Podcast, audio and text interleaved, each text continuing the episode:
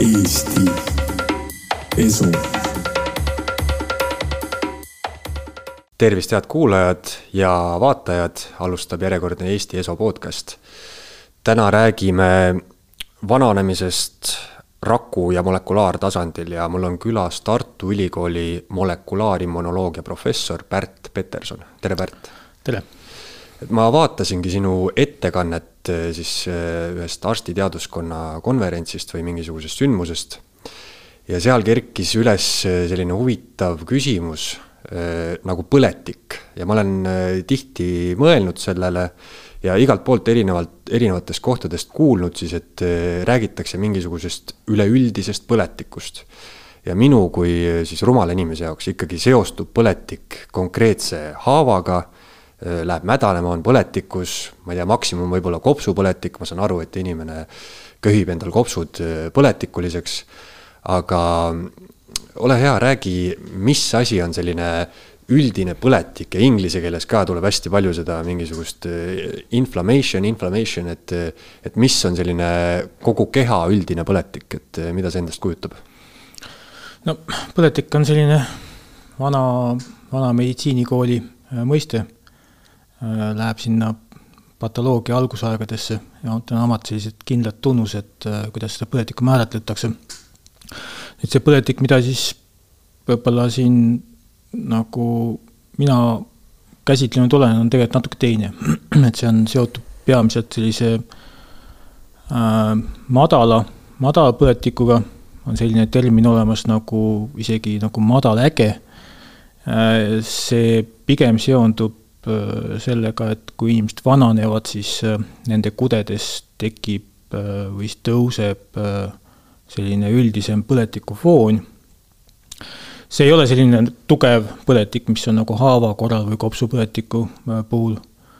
ta on võib-olla isegi natuke märkamatu äh, ja aga detekteeritav siis noh, ütleme äh, nii inimeses kui ka siis vananemise puhul uuritakse väga palju erinevaid mudelloomi, noh, tavaline on hiir või siis ka teised, teised loomad.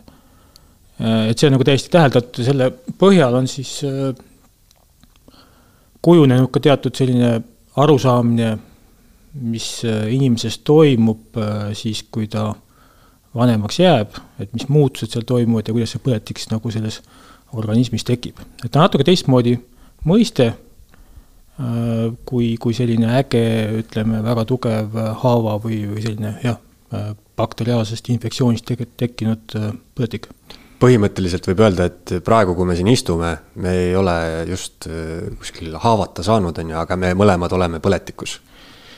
no põletikus võib-olla liiga äh, liiga karm. karmilt öeldud jah, aga mõnes mõttes see nagu, see foon kasvab äh, vanusega, eriti ta, arvatakse, et ta tõuseb just sellise peale viiekümnet eluaastat.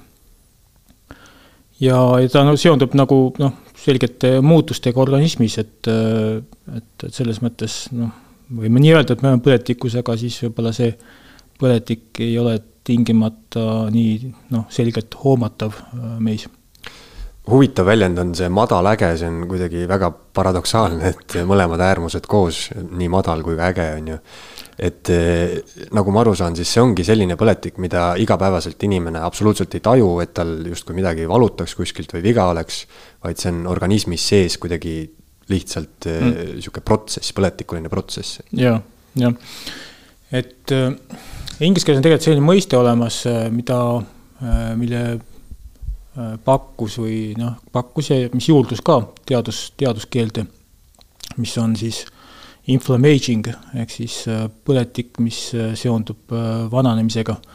Eesti keeles ei ole päris head mõistet selle kohta, et kuidas seda nagu ühtselt öelda. algselt see oligi selline mõiste, mis käis nii-öelda jutumärkides, aga nüüd on ta täitsa kinnistunud ja, ja see lähtekoht on olnud nagu see, et, et et kui nüüd vaadata vananemisprotsessi, siis inimesed et ja tegelikult mitte ainult inimesed, aga siis kõik, kõik loomad, ütleme, kõrgemad loomad nagu imetajadki, neis siis vanusega kasvab oluliselt erinevate haiguste riskid.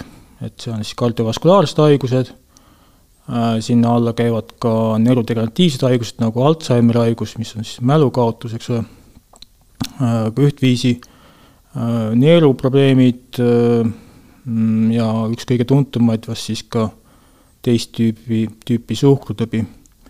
ja kõigil nendel haigustel on, ja teistel ka, et ütleme, osteoartriit ja, ja reumatoidne artriit, mis on nagu liigeste põletikkushaigused, neil kõigil on nagu see komponent, et esiteks nad äh, siis tekivad nagu vanusega koos ja see kasv, äh, nagu nende riski, nagu te, te, nende tekkimise risk kasvab siis no peaaegu et eksponentsiaalselt peale viiekümnet eluaastat mida aasta edasi, seda, seda nii-öelda, kui mõõta seda riski, kuidas see, et see haigus võib tekkida või noh, välja areneda, siis see nagu tõuseb, noh, ütleme kuni viiekümne, viiekümnenda eluaastani, viiskümmend on lihtsalt praegu selline üks niisugune nii-öelda äh, ütleme täis, aga noh, ega see nii päris nii range, range number ei ole. Aga enne seda suhteliselt arvan, et haigused üldse tekivad. ja noh, ta on sageli ka nimetatud eluviisi haigusteks et seal on kindlasti ka selliseid eluviisi komponente, milleks on siis nii noh, ülekaal ja ja, ja stress ja, ja ka suitsetamine ja, ja alkoholi kasutus ja kõik muud. aga teine, teine väga oluline komponent on see, et nad kõik seonduvad nagu selle põletiku protsessiga. Ja, ja siis äh, me võime nagu küsida sellise küsimuse, et, et kui inimestes need äh, haigused tekivad ja nad on mingil määral põletiku protsessiga nagu seotud, Äh, ja tekivad siis ütleme peale seda viiekümnendat, kuuekümnendat eluaastat, et kas siin ei ole nagu mingit üldist mehhanismi, mis tegelikult neid nagu haigusi siis ka põhjustab? et noh, alati võib mõelda, et kui meil on südameprobleemid, kardiovasulaarhaigused, et siis me ravime südant ja, ja kui meil on teist tüüpi suhkrutõbi, siis me ravime nagu seda suhkrutõbe ja niimoodi tegelikult ka noh, meditsiin toimib ja töötab ja, ja on suunatud selle, selle nagu patoloogilise äh, haiguse ravile.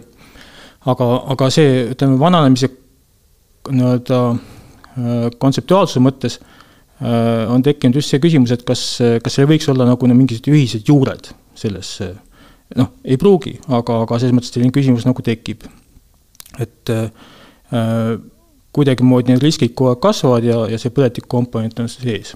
et siit saab äh, niimoodi vägivaldselt tuua peaaegu niisuguse noh hüpoteesi, et eh, kõikide haiguste juurpõhjus on siis põletikuline protsess kehas? Eh, no sõna kõik on natukene liiga, liiga nagu ülemäärane, aga, aga ütleme, paljude eluviisi või siis ütleme, vanusega kaasuvate haiguste puhul seda niimoodi siis arvatakse. Siinkohas peab ütlema seda, et, et tegemist on nagu selle haiguse riskiga või see haiguse väljaarenemise riskiga. et kuidas, milline konkreetne võib-olla see haigus tekib, on seotud ka lisaks, eks ole, geneetilist komponentidest väga paljuski ja ja, ja noh, siin nagu need eluviisi nii-öelda muutustest ka. ja, ja selles mõttes nagu mm, mõnel määral siis nagu tekib natuke nagu siit mõtet edasi arendada, siis tekib nagu see mõte, et et noh, et võib-olla siis äh, püüda mitte või noh, püüda mitte võib-olla ravida seda nagu südameprobleemi nagu siis, kui see tekib, vaid et võib-olla siis kuidagi minna nagu selle juurpõhjuse poole ja püüda nagu seda juurpõhjust ennast noh, ma ei tea, kas nüüd ravida, aga kuidagimoodi edasi lükata, ühesõnaga, et see, need eluviisi haigused tekiksid näiteks vanemas elueas, kui nad nüüd praegu meil tekivad. ja, ja selles mõttes nagu mm, selline nagu noh, eluviisi muutmise küsimus on igal juhul oluline, et inimene võiks ju rohkem ennast liigutada, tervislikumalt toituda ja, ja, vähema nii-öelda kaaluga, aga noh, väga selline, no väga ka selline paeluv mõte, et, et kui me suudaks leida mingisuguse sellise ravimi, mis kuidagimoodi lahendab meie kõik suured probleemid ära ja mured, ja see oleks lihtne, siis äh, noh, mõte on muidugi natuke naiivne, aga aga selles mõttes, et kui me saaks minna juba mingi juurpõhjuse juurde ja saada aru, mis seal toimub, ja nüüd seda tööd on nüüd viimaste aastakümnete jooksul ka palju tehtud, et aru saada, mis sealt nagu, mis see põhjus võiks olla, noh, teatud selline konsensus on nagu tekkinud ja põletiku komponent on seal üks nendest, siis siis kui meil oleks võimalik selle võib-olla selle nagu juurpõhjust natukene nagu leevendada või vähendada või alla suruda, et noh, et siis meil oleks neid äh, teisi nagu noh, neid nii-öelda eluviisi haigusi ka juba vähem selline üldine põletikupill, mida sa võtad iga päev nagu mingisugust C-vitamiini, eks ju. jah, see kõlab väga, väga mm. niimoodi armsalt ja populaarselt, jah. aga ütleme, kui ma olen siis noh, viiekümnene või ka varem, on ju, et eh, ma olen kuulnud igasuguseid väiteid selle põletiku, sellise üldise põletiku kohta, et sööd liiga palju suhkrut, oled kogu aeg põletikus ja, ja nii edasi, eks ju. et eh, mida inimene teha saab et oma põletikku siis kontrolli all hoida või seda vähendada, on mingid väga konkreetsed asjad, ma ei tea, hoidu suhkrust või, või ära joo viina või, või midagi sellist? no selles mõttes nagu igasugune tervisekäitumise nõuanded on, on siin ühtviisi nagu kohapeal, et, et liikumine ja, ja, ja, ja siis ka vähene, ütleme, kehakaalu langetus või normaalkehakaal, no need aitavad nagu juba a priori ennast, endaga kaasa. Et äh, jah, ja no siia võib lugeda selliseid väga, väga trafaretseid ja standardseid nõuandeid, et äh, vähendada stressi, magada hästi, mitte suitsetada, liikuda palju väljas äh,, võimalikult siis nagu olla, olla tervisliku toitumisega ja, ja, ja, ja et oleks nagu normaalkehakaal et sihuke klassika ikkagi, et liigu, toitu hästi ja, ja ära siis tee neid riski, riskikäitumisi, eks ju. jah, ja klassika on selles mõttes, klassika on kujunenud välja äh, aasta noh, ikka pika perioodi jooksul.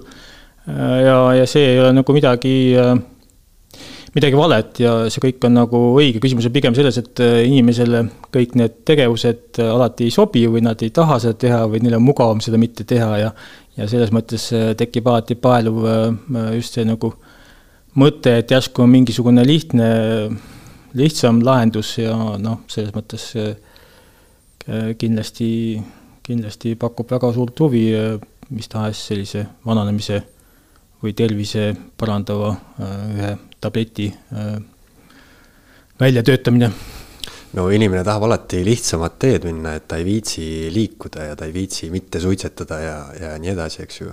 palju lihtsam oleks üks tablett lihtsalt alla visata iga päev ja, ja oleks, oleks asi vask. aga oma ettekandes sa tõid ka välja niisuguse huvitava väite, et vananemis, vananemisega tekivad meil DNA kahjustused. Mida see DNA kahjustus täpsemalt tähendab ja siis mul tekkis kohe ka muidugi küsimus, et et kas see kuidagi see vananedes tekkinud DNA kahjustus, kui ma kuulen sõna DNA, siis mul kohe järgmine sõna on pärilikkus, et kas seda on kuidagi siis, ma ei tea, kas see tuleb siis, on see pärilik ka? ei, ta ei ole pärilik, sest et ta on meie nii-öelda keharakkudes ja oma keharakkudest ehk somaatilistest rakkudest, nagu teadlased seda nimetavad, me nagu edasi ei anna. Et selleks peaks need muutused toimuma siis sugurakkudes. aga, aga see DNA kahjustused on Äh, ongi siis äh, vast üks nendest äh, aluspõhjustest, miks selline põletikune protsess nagu tekib. et vananemise teadlased on defineerinud kümmekond sellist, kümmekond sellist protsessi, mehhanismi, mis raku tasandil toimuvad, molekulaarsel tasandil, mis siis kõik omamoodi ühel või, või vähem, suuremal või vähemal määral mõjutavad siis inimese mm, sellise äh, Äh, vananemist, aga ühtlasi ka neid äh, põletikulisi protsesse. et äh, tegelikult läheb tagasi nagu sellesse, et, et kui me nagu areneme ja, ja kasvame suureks, siis noh, meie keha tegelikult lõppkokkuvõttes koosneb rakkudest. et inimese, inimesel on umbes kolmkümmend triljonit rakku, et selle võib nagu mehhanistlikult mõttes võime üksteist nagu lahti võtta nii-öelda kolmekümneks triljoniks osaks ja, ja. kolmkümmend triljonit ma kuulsin viimati head võrdlust, et, et selgitada inimestele, mis on miljoni ja miljardi vahe. mis sa arvad, kui me paneme miljon sekundit, siis mis sa arvad, kui, kui pikk aeg see on? ma ei oska seda hinnata, ma pean hakkama arvutama selleks, jah. no paku mingi pakkumine päevades näiteks või, või kuudes või, või mis sa, mis. mitu aastat. see on, miljon sekundit on üksteist päeva. üksteist päeva. ja nüüd paku, kui palju on miljard sekundit? no see on täpselt miljon korda rohkem. ja see on kolmkümmend üks aastat. et siis selle, see vahe on nagu noh, sellises skaalal iga inimene saab aru, et üksteist päeva versus kolmkümmend üks aastat ja, okay, ja siis ja. korruta seda veel, on ju, tuhandega, siis on triljon. ja, ja, ja, ja, ja miljon, miljard ja triljon jah, et, et siis triljon on miljon korda miljonit, et tri, ja miljard on siis äh, tuhat korda äh, miljonit. et see on nagu, teadlased kasutavad pigem nagu sellist mõistet nagu noh, kümme, kümme kuuendas, kümme üheksandas ja kümme kaheteistkümnendas siis päris palju rakke on ikkagi meil siis. siis on jah, et neid umbes kümme kolmeteistkümnendas või kolm korda kümme kolmeteistkümnendas. tegelikult rakke on muidugi rohkem, sellepärast et äh, me toodame nagu äh, võib-olla isegi kümme neljateistkümnendas rakk- või neljateistkümnendas rakke.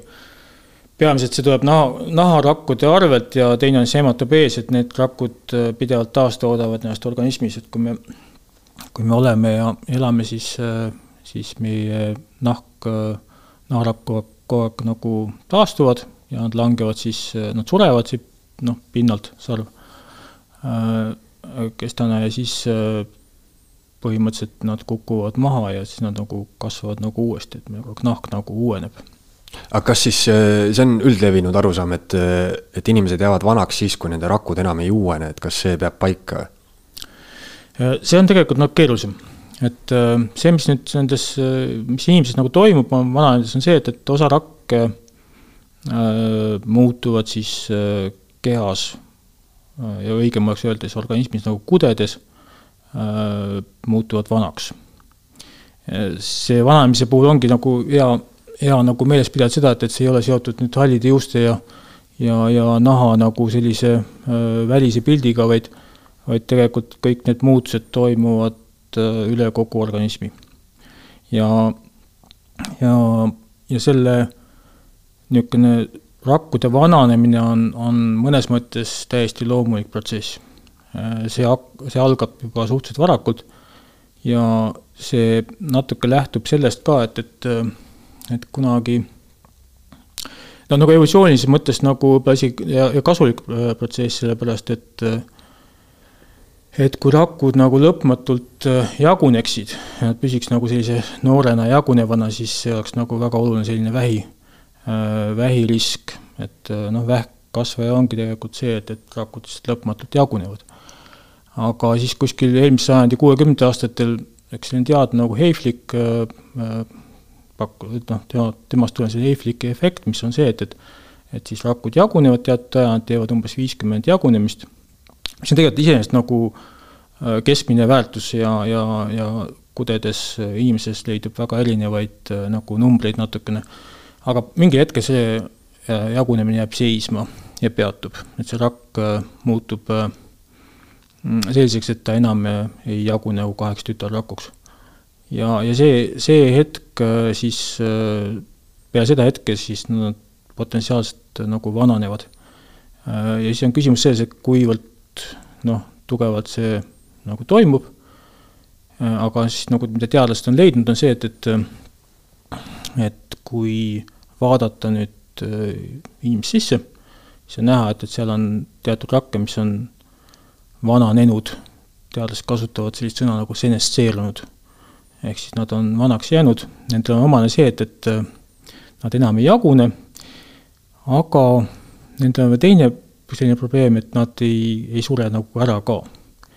ja, ja siis tekib üks, kuivõrd asjad on kõik hästi komplekssed, siis, siis äh, tekib selline olukord ka, et, et immuunrakud äh, peaks neid rakke nagu ära koristama, meil on tegelikult iga, kõigil on, inimestel on siis nagu kudedes sellised äh, nii-öelda koristajarakud, mida nimetatakse ka õgirakkudeks või makrofaagideks nemad käivad nagu koristavad ringi, äh, koristavad kõike prahti, mis äh, kudedesse tekib. laibad eest ära nii-öelda? Äh, laibad ja, ja põhimõtteliselt kõik, mis on nagu noh, üleliigne või praht, mis tekib ka rakkudest, et noh, rakud ju kasvavad, meie seda juba silmaga otseselt ei näe, aga seal tekib jääkained ju kogu aeg, neid tekib nagu väga palju.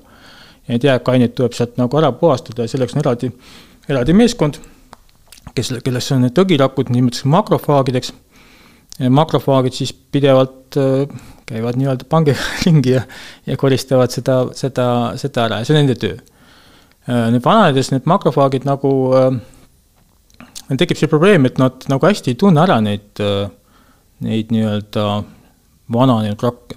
Nad ei ole päris laibad, aga need on niisugused rakud mm -hmm. staadiumis, mis, mis nagu noh, ei ela, ei sure, aga võib-olla niimoodi kirjanduslikult öeldes, aga aga, aga igal juhul need makrofaagid ei saa selle tööga enam hästi toime äh, tulema. makrofaagid jäävad ka vanaks? makrofaagid on oma häda, et, et nendel on see, et, et äh, see, mille kaudu nad neid äh, vananenud rakke ära tunnevad, see, see osa nendest nagu käib vananedes alla, jah. et see on nagu üks, üks, üks probleem. no igal juhul, kui seda asja nüüd püüda kokku panna, siis nüüd makrofaagid ehk siis immuunsüsteem ei suuda seda, seda koristustööd teha ja inimeses siis mm, nii-öelda aastate jooksul hakkab äh, kuhjuma üha rohkem äh, vananevaid rakke.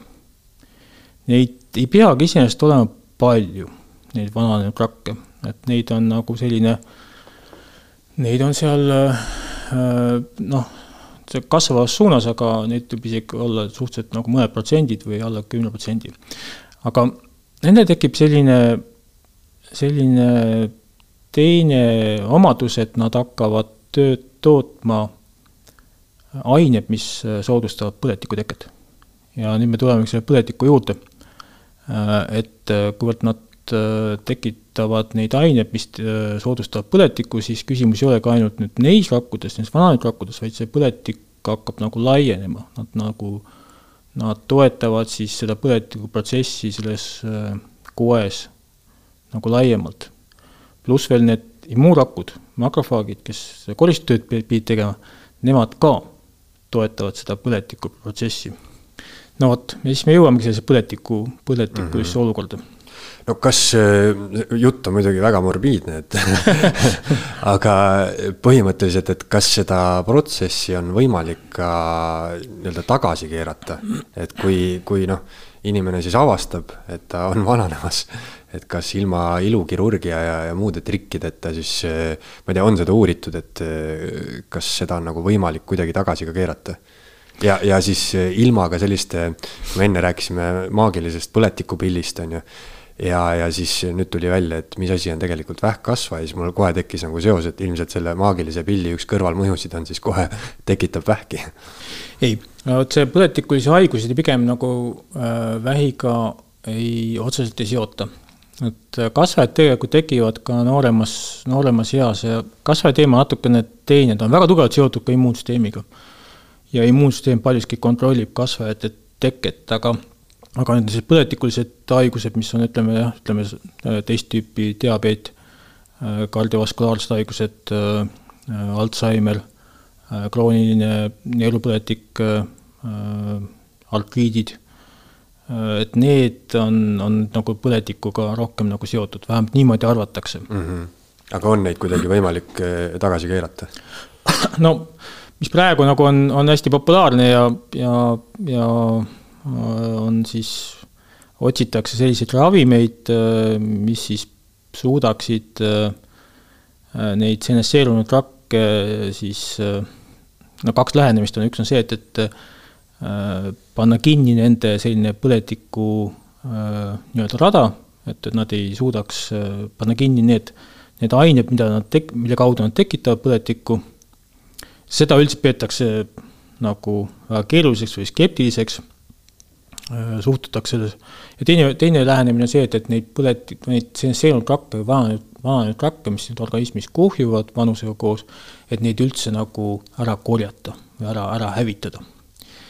Ja neid äh, ravimeid isegi, neil on ikka pidulik nimi olemas, nagu senolüütikud, et siis nad, äh, nad nagu lüüsivad või hävitavad neid senesseerunud rakke, et see on selline mõiste ja, ja selles valdkonnas on optimismi palju. Äh, ma arvan, et, et sellises nagu äh, ütleme siis riskantsemas äh, ärikeskkonnas nagu Californias on palju väikseid startup firmasid, kes püüavad selliseid ravimeid välja töötada. huvi selle vastu on suur, aga ma saan aru, et ka rahaliselt olukord ei ole üldse halb, finantseerimine täiesti toimib aga, aga siin on mõningaid uuringuid tehtud, et on olnud mõned täitsa lubavad kandidaadid, aga ühe puhul tekkis see, et, et kuivõrd meditsiinilised katsed käivad alati läbi teatud kolme staadiumi, see on faas üks, faas kaks ja faas kolm, nii nagu ka ütleme, koroonavaktsiin käis läbi erinevaid staadiume, faas üks on, on, on iseenesest selline staadium, kui testitakse ravimi turvalisust. Ravimitööstus üldse ja ravimi väljatöötamine on ääretult reguleeritud ja ääretult kallis. et see esimene staadium on see, kui lihtsalt vaadatakse, kas ta on turvaline, ütleme, ta ei põhjusta mingeid väga selliseid äh, halbu äh, mõjusid, siis äh, teine faas on nagu see, et, et vaadatakse, kas see ravim töötab ja seda vaadatakse suhteliselt väikesel rühmal inimestel, ja faas kolm on siis, kui seda ravimit siis püütakse rakendada väga suurele äh, Äh, nii-öelda grupile haigeid või siis ütleme noh, kus seda püütakse rakendada. Läheb massidesse nii-öelda? nojah, ütleme nii, et, et see, need arvud on, sõltub väga palju, mis, mis, mis haigusest me räägime või noh, ütleme olukorrast, aga, aga mõnes mõttes küll, et see on nagu selline, selline märkimisväärne arv siis neid nii-öelda inimesi, kelle peal seda siis testitakse ja alles siis, kui need on kõik läbinud ja tulemused on ka väga selged, siis ravimiametid, milleks on siis Ameerikas on FDA ja Eestis on, võib-olla see Eesti allub siis Euroopale, see on siis Euroopa Meditsiiniagentuur, kes annavad loa, et seda ravimit üldse kasutusele võtta ja siis nad lähevad. aga tulles tagasi nüüd selle senolüütikute juurde, siis äh, siis üks, üks ravim, mis nüüd äh, testiti mõni aeg tagasi, äh, sellega paraku just see, et teises faasis selgus, et tal on üsna tugevad kõrvalmõjud. ja nüüd see see, selle ravimi uuring nagu peatati, aga mis sageli siis püütakse teha, on see, et, et võetakse ravim ja püütakse teda natuke modifitseerida, sest noh, kui, kui on võimalik kuidagi aru saada sellest, et mm, millised osad sellest ravimist mõjutavad kõrvalmõjusid ja millised annavad siis nagu seda raviefekti, äh, kui sellest nagu aru saada, kui on võimalik lahutada, siis on võimalik seda nagu ravimit alati paremaks tuunida. et see on nagu üks selline äh, lähenemine, selliseid ravimeid on seal nagu mitmeid siinkohal peab kindlasti ütlema seda, et, et kõik see hakkab peale loomkatsetest mm. -hmm. et äh, midagi, midagi ei toimu niimoodi, et äh, mulle tundub, et üks tore ravim on siin ja ja, ja vaatame, mis siin, mis siin kuidagi õnnestub äh,, paneme selle inimesse. ei, nii need asjad ei käi. et ikkagi alustatakse ikka loomadest, peamiselt selleks on hiired ja vaadatakse, kas me siis suudame näiteks pikendada hiirte eluiga. ja need mõned ravimid tegelikult töötasid päris kenasti pikendasid seal mm, hiirte eluiga ja, ja neile noh, hiirtele veel siis tekib ka erinevaid haigusi vananedes, ega hiired on, on ka loomad, kes, äh, kel lõpuks vananedes tekib äh, neid haigusi samamoodi sellest sama põletikuprotsessist tõenäoliselt, et noh, et nad olid nagu oluliselt tervemad. et kasutatakse sellist erinevaid teste Äh, süsteeme, et pannakse näiteks hiired jooksma nagu ikka, nagu noh, rattasse. Et näitab nende füüsilist võimekust, et vanad hiired ei jõua joosta ja siis, äh, kui neile see ravimit andis, nad äh, mm, muutusid nagu nooremaks. Mm.. et sellised väga niisugused selged, selged nagu paranemised toimusid. Kui sa räägid jah sellest, et otsitakse sellist ravimit, siis minu loll talupoja loogika ütleb, et, et mis seal siis rasket on, et võtame need, võtame need makrofaagid, need õgirakud, eks ju, leiame viisi, kuidas need purki pista ja siis süstlasse pista ja süstime inimestele nagu neid uusi koristusrakke, kes siis teevad efektiivsemalt oma tööd, et neid vananenud rakke sealt ära koristada. no näed, siit juba tuleb innovatiivseid mõtteid, et jah. no igasuguseid mõtteid on inimestel jah, et, et Äh, noh, kõik võib-olla ei ole päris nagu äh, äh, sobivad äh,, aga, aga variante on jah, et äh, makrofaagi muidugi pistmine on omamoodi väga keeruline ja raske, sest et äh, see on see häda, et, et me tegelikult ei saa tõsta ühe inimese rakke teise inimesse. et see on nagu noh, põhimõtteliselt sellesama seaduse vastu, et et transplantatsiooni tegelikult ei, saab teha ainult nagu Äh, kas geneetiliselt lähisugulasele või siis teha nii-öelda autoloogilist, ehk siis enda tõsta. et kui me hakkame näiteks mingit kude või nahka transplanteerima, siis või noh, ütleme teisele inimesele, siis sellest äh, tekib kohe äratõukereaktsioon. aga pigem need mõtted liiguvad sellist ikkagi nagu väikeste molekulaarsete ravimite suunas, mida püütakse kasutada ja mõned on ka sellised, mis on äh, mõned on sellised, mis on natukene sellise noh, kogemusliku kaudu saadud, et et mõned diabeediravimid, mis tegelikult ongi mõeldud siis diabeedi äh, raviks. Äh,, neid praegu katsetakse, üks selline ravim on metformiin, mida mida tõepoolest ka väga paljud miljonid inimesed äh, võtavad, ma arvan, et juba USA-s ainuüksi on kümned miljonid inimesed, kes seda, noh, see rasvumine ja, ja sellega kaasnev äh, teist tüüpi diabeet on üsna, üsna nagu levinud haigus äh, tänapäeval lääne ühiskonnas vanemas eas. Äh, et sellist nähti mõningat sellist paranemist, esiteks muidugi selle, nende diabeedihaigete juures, aga siis tekkis ka natukene, et kontrollrühmal oli ka sellist pikemat eluiga, kuigi see oli vähem noh, see vastus nendest uuringutest jäi õhku rippuma, seal selget vastust ei tulnud, aga siis nüüd äh, kuivõrd ravimiuuring on jällegi väga reguleeritud, siis noh, see ei saa, kui minna uuringut tegema minna, siis ei saa nagu kõiki asju vaadata. et seal on väga selgelt määratakse ära, mis, mida asja peab nagu mõõtma või jälgima. et neid on üks või kaks asja, mida peab tegema, tegelikult teisi asju nagu ei saagi nagu äh, äh noh, põhimõtteliselt äh, ametlikult regulatsiooni kohaselt nagu vaadelda aga nüüd on siis, püütakse seda, näiteks nüüd seda noh, neid diabeediravimeid rakendada siis ka nende inimeste peal, kellel diabeeti ei olegi, kes on täitsa nagu terved äh, ja vaadata siis, kas neil võib-olla aja jooksul mm, ei teki siis näiteks mingisuguseid põletikulisi haigusi. ennetuse mõttes? ennetuse mõttes, jah Mm -hmm. aga no need, need, need uuringud hästi keerulised selles mõttes, et et need ei ole ka nagu mingi poole aasta või aasta uuringud, vaid seal peab ootama siis ikkagi nagu märkimisväärne aeg. noh, ideaalis võiks olla vähemalt kolm kuni viis aastat. Mm, ja, ja see automaatselt tähendab seda, et, et see uuring on juba pikaajaline. et kui midagi peaks nagu viis aastat äh, väljundina nagu ootama, siis, äh, siis, äh, siis see võtab aega mm. -hmm kui sa enne mainisid, et, et inimkeha võib-olla ei võtagi võõra keha rakke vastu hästi, eh, kindlasti on paljud kuulnud ka sellest eh, tüvirakkude siirdamisest, et, et põhimõtteliselt, kui sul on, ma ei tea, noh, mingitel tippsportlastel käeluu on katki, võetakse ühest tervest kohast sinu enda tüvirakke, süstitakse sinna, on ju, nii-öelda nagu värsket verd peale ja see paraneb kiiremini ja, ja edukamalt, eks ju. et kuidas selle üldise põletikuga on ja, ja selle rakkudega, et kas see on selline kas see on ka mingisugune spetsiifiline koht kehas, kuhu hakka, hakkavad näiteks need vananenud rakud tekkima ja hakkavad need põletikulised protsessid kujunema või on see selline noh, raske määratleda, et üle kogu keha, et muidu võiks ju võtta ka nii-öelda ütleme tervest kohast neid, kasvõi neid õgirakke juurde ja panna sinna haigesse kohta. Ja see tek-, ikka tekib üle keha, et äh, vanemast inimesest nagu võtta äh, nagu kuskilt nagu noori rakke on üsna keeruline. Ükskõik, kus proovi võtad, valutab ja on põletikus. no valu tingimata siin nüüd ei ole otseselt, aga, aga noh, see pigem nagu ei, hästi ei toimi jah, niisugust äh, siinkohal võib-olla oleks nagu huvitav selliseid katseid nagu tuua, kus tehakse hiirtel näiteks on tehtud selliseid katseid, kus siis on, tõstetakse, tõstetakse noore, noore looma noh, kas verd või kudet nagu vanemasse vanemasse looma.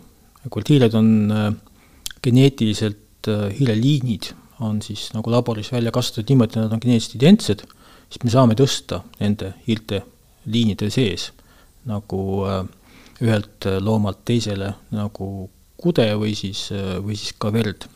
kas see toimib? see, see toimib jah, et selles mõttes, et kui, kui, kui tõsta noorema nooremat loomalt nagu vanemale, siis see, see vanem loom paraneb oma nagu terviseparameetrite seisukohalt.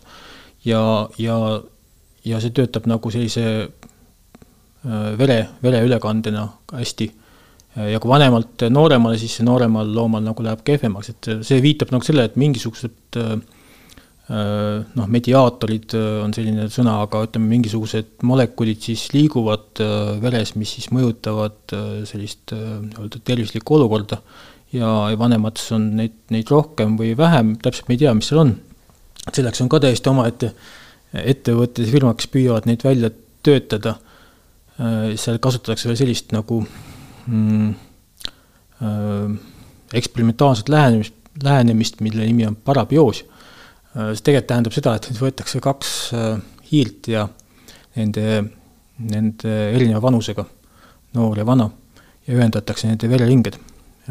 põhimõtteliselt on see võimalik, nad magavad samal ajal küll, et nad ei ole nagu ärkel, aga aga nad on siis täitsa nagu elusad ja, ja vereringe siis nagu ühineb ja sealt on ka näha seda, kuidas see, kuidas see vanema looma nagu parameetrid lähevad paremaks see on, äh, kõlab väga ulmeliselt, see on põhimõtteliselt jah, selline konkreetne nooremast eluenergia välja nii-öelda imemine vanasse.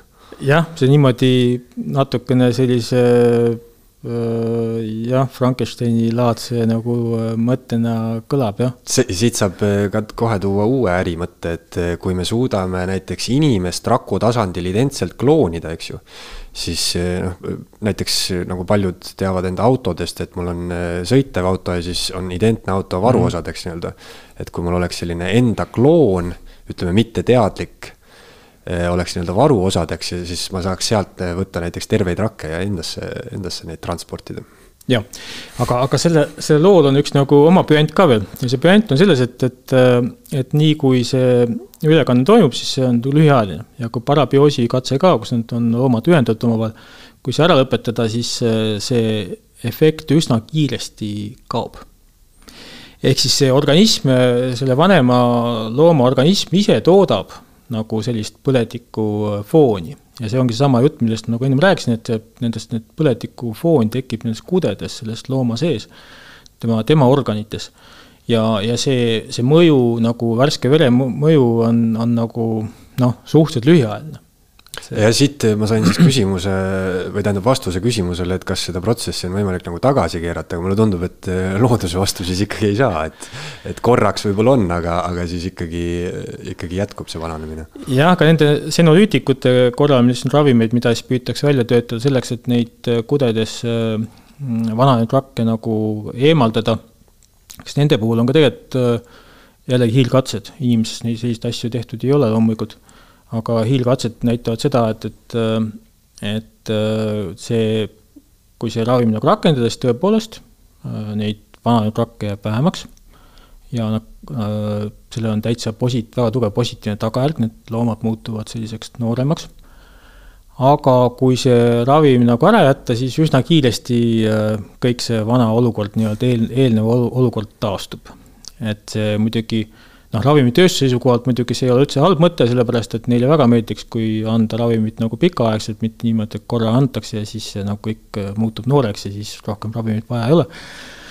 aga noh, see, see, mis seal tekibki peamiselt, on see, et, et mm, et need kõrvalmõjud on seni üsna tugevad ja, ja pidevalt nagu seda ravimit andes hakkavad need kõrvalmõjud tegelikult olema päris olulised, et, et seda nagu niimoodi rakendada ei saa üks teema muidugi siis ravimi nii-öelda doseerimises on, on ka see, et äh, meil ei ole väga head efektiivset viisi, kuidas äh, ravimit nii-öelda kohale viia. et peamine manustamine toimub meil suu kaudu või siis noh, veeni kaudu süstides, aga see on tegelikult noh, organismi sisse viies, kui, kui see kui see ravim viia nagu neid, nii-öelda peamist süsteemset, ehk siis nagu ütleme, veeni kaudu sisse, siis, siis ta hakkab mõjuma igale poole, et parem ja noh, selles valdkonnas on ka väga palju tegevust, aga parem on ta kapseldada kuidagi mingisse partiklisse, näiteks mingisse nanopartiklisse, nanopartikkel on lihtsalt see, et mis on eelnevalt juttu, mis on nagu väga suured numbrid, siis vastupidi, siin, et, et mm -hmm. väga väiksed numbrid, ja, ja et need pannakse sellistesse nagu mm, väikestesse pallidesse ja siis see pall viia kohale nüüd just selle vananenud raku juurde ja siis see pall nii-öelda noh, kas nüüd lõhata või siis nii-öelda nagu see nagu lasta seal lahti.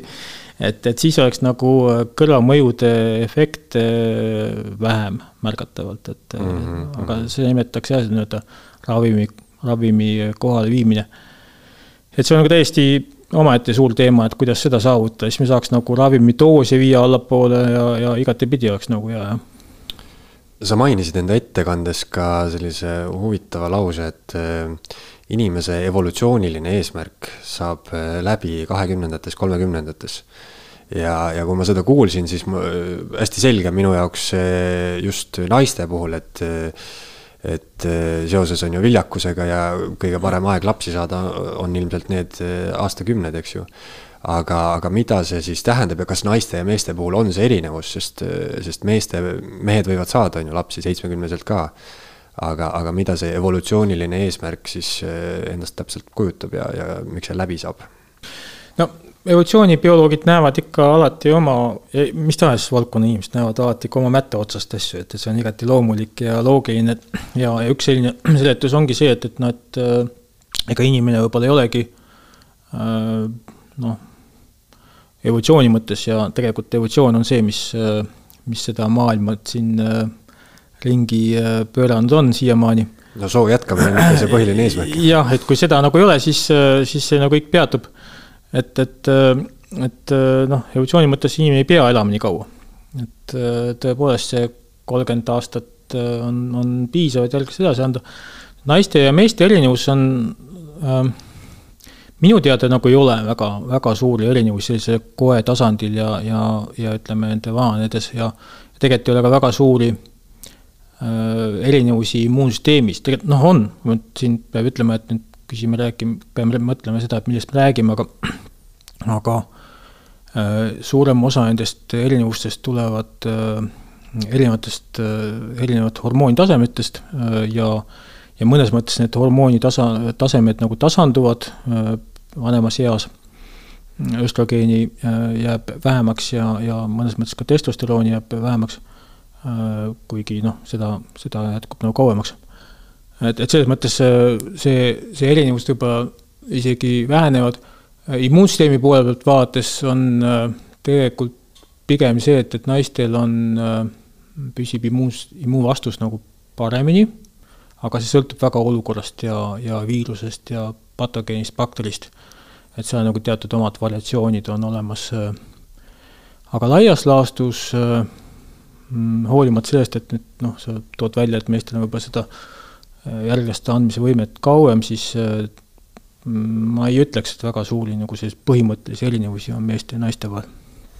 Ja ma mõtlen ka, et, et kui sa mainid, et noh, nii-öelda meelevaldselt äh, saab niisuguse järelduse teha, et naised on natukene tervemad äh, vananedes ja noh, keskmine eluiga on ka naistel. naised elavad kauem jah, see on tõsi ja, jah ja,. Ja. et, et noh, siit võib ka igasuguseid evolutsioonilisi järeldusi mõelda, et et noh, mehed on mingis mõttes, kui nad oma töö ära teevad, on ju, ära viljastavad nii-öelda, siis, siis on nagu neid rohkem vaja ei ole väga.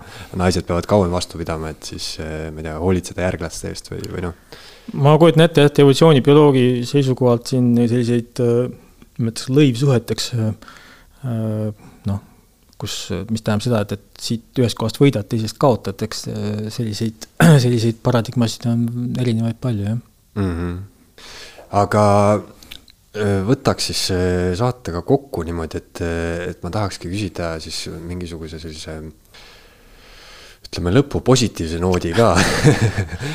Et kui me vaatame tulevikku, siis noh, sa palju mainisid, et sellel alal tehakse palju tööd ja, ja nii edasi, et et ma ei kujuta ette, et kui sa natukene teoritiseerid, et eh, mingisugune viiekümne aasta pärast või isegi, või isegi rutem, et, et kas me võime oodata sellist aega, kus meil tõesti on mingisugused maagilised eh, tabletid või ravimid ja, ja inimene võib täiesti vabalt elada siin saja, sada ja üle sellegi, ütleme keskmisest elueast rääkides? Et kas see on nagu paratamatu progress meil või, või on see niimoodi, et me ikkagi võitleme äh, võitleme siin loodusega ja noh, ütleme üle selle kaheksakümne eluea nagu meil väga siin lootust ei ole. no selles mõttes ma, ma kujut-, noh, see on niivõrd äh, üldine teema ja, ja, ja kindlasti väga suure ravimitööstuse ja uuringute fookuses ja seda, ma ütleks, et see on kasvanud viimase kümne-kahekümne aasta jooksul nagu väga-väga oluliselt siis ma imestaks väga, kui siin nagu äh, äh, muutusi ei tuleks või selliseid ravimeid ei tuleks, et äh, et kindlasti, noh, see on nüüd mõnus selline kohvipaksu pealt nagu ennustamine, aga, aga, aga kui seda nüüd teha tohib, siis äh, siis äh, ma usun küll, et eluea pikendamine on täiesti reaalne. ma kujutan ette, keskmise eluea saavutamine kuskil sada aastat on, on küll võimalik. Mm, siin on hästi palju aspekte, et üks on see, et, et kuidas vähendada nii-öelda surmasid, eks ole, nii-öelda varasemas elufaasides, et äh, lapse ea suremus on olnud siiamaani väga suur mõjutaja keskmise eluea äh, osas. kuidas vähendada riskikäitumist, äh, siin on noh, autoõnnetused, selles keskmises elueas, eas siis sees, uppumised, tulekahjud, mida iganes, kellele meelde tuleb.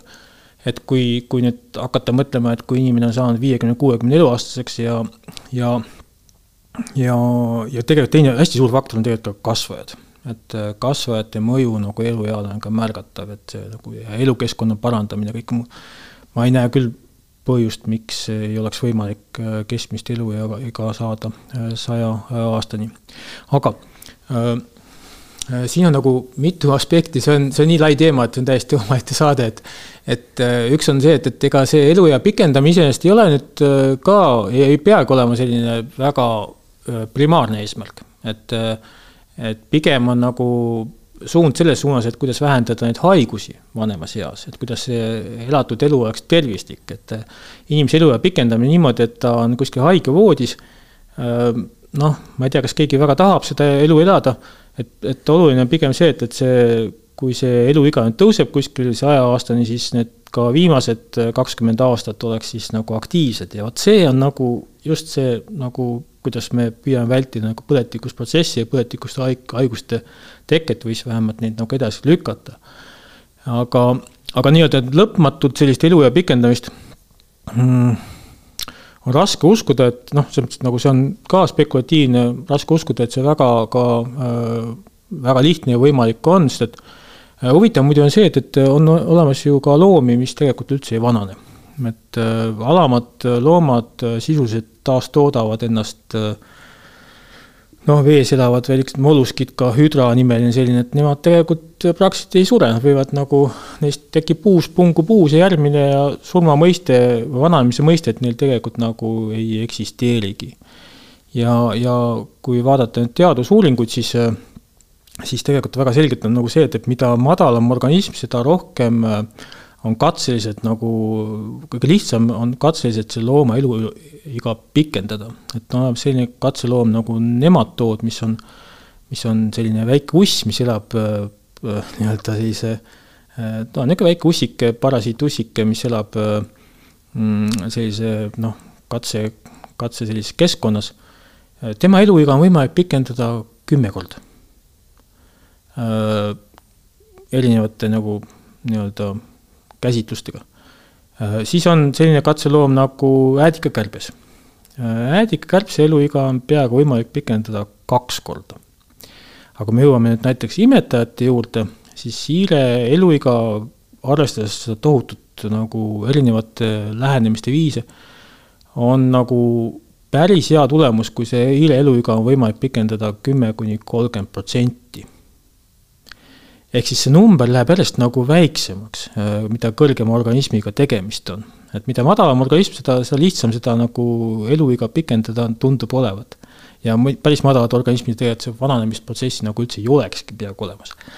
et, et selles mõttes nagu, mm, et, et nüüd äh, mõelda, et inimese eluiga on võimalik äh, pikendada kaks korda, noh, siin peab olema mingisugune täiesti uus, uus mõõde, mingisugune mm -hmm. täiesti mingi midagi hoopis kardinaalselt teistmoodi, et me jõuaks sellise staadiumisse, et pigem, äh, pigem on see nagu sellise kümne, kahekümne protsendi äh, võrra eluea pikendamine, siis ka on väga oluline, kuidas see elu siis äh, elatakse, mis kvaliteediga. ja palju räägitakse ikkagi sellest eluaastate kvaliteedist, et et praegu on meil eh, selline noh, eluea lõpp on tihtipeale tänu siis nendele haigustele, asjadele on selline noh, pigem hääbumine, eks ju. Äh, aga ma arvan, et kõik ka tervitavad seda, et kui need nii-öelda aastates isegi see ei pikeneks, aga oleks selline noh, kas siis mõne ravimi mõjul või, või mis iganes, oleks selline justkui nagu on-off, et, et noh, elad oma viimase päeva ära ja siis lihtsalt kukud ära, eks ju. jah, ja nüüd tegelikult muidu mada-, madalamate loomade puhul seda on ka täheldatud, noh, võta needsamad kilpkonnad näiteks. et kilpkonnade puhul on see, et, et nad elavad seal kuskil ligi kahesaja aastaseks, erinevad liikidel vist on erinevad ka, aga aga nende selline reproduktiivne võime, järglaste andmise võime äh, säilub seal suhteliselt nagu ka viimastel aastatel.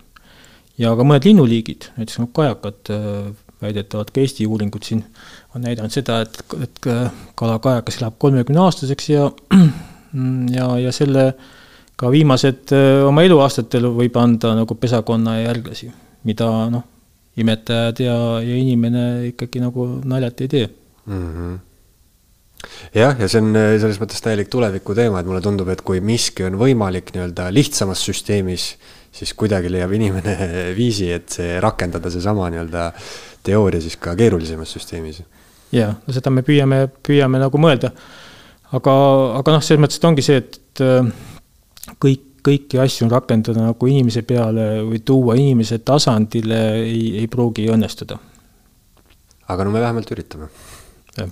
aga Pärt, aitäh sulle meeldiva vestluse eest ja, ja siis äh, seekord sellised jutud. oli tore. Eesti Esu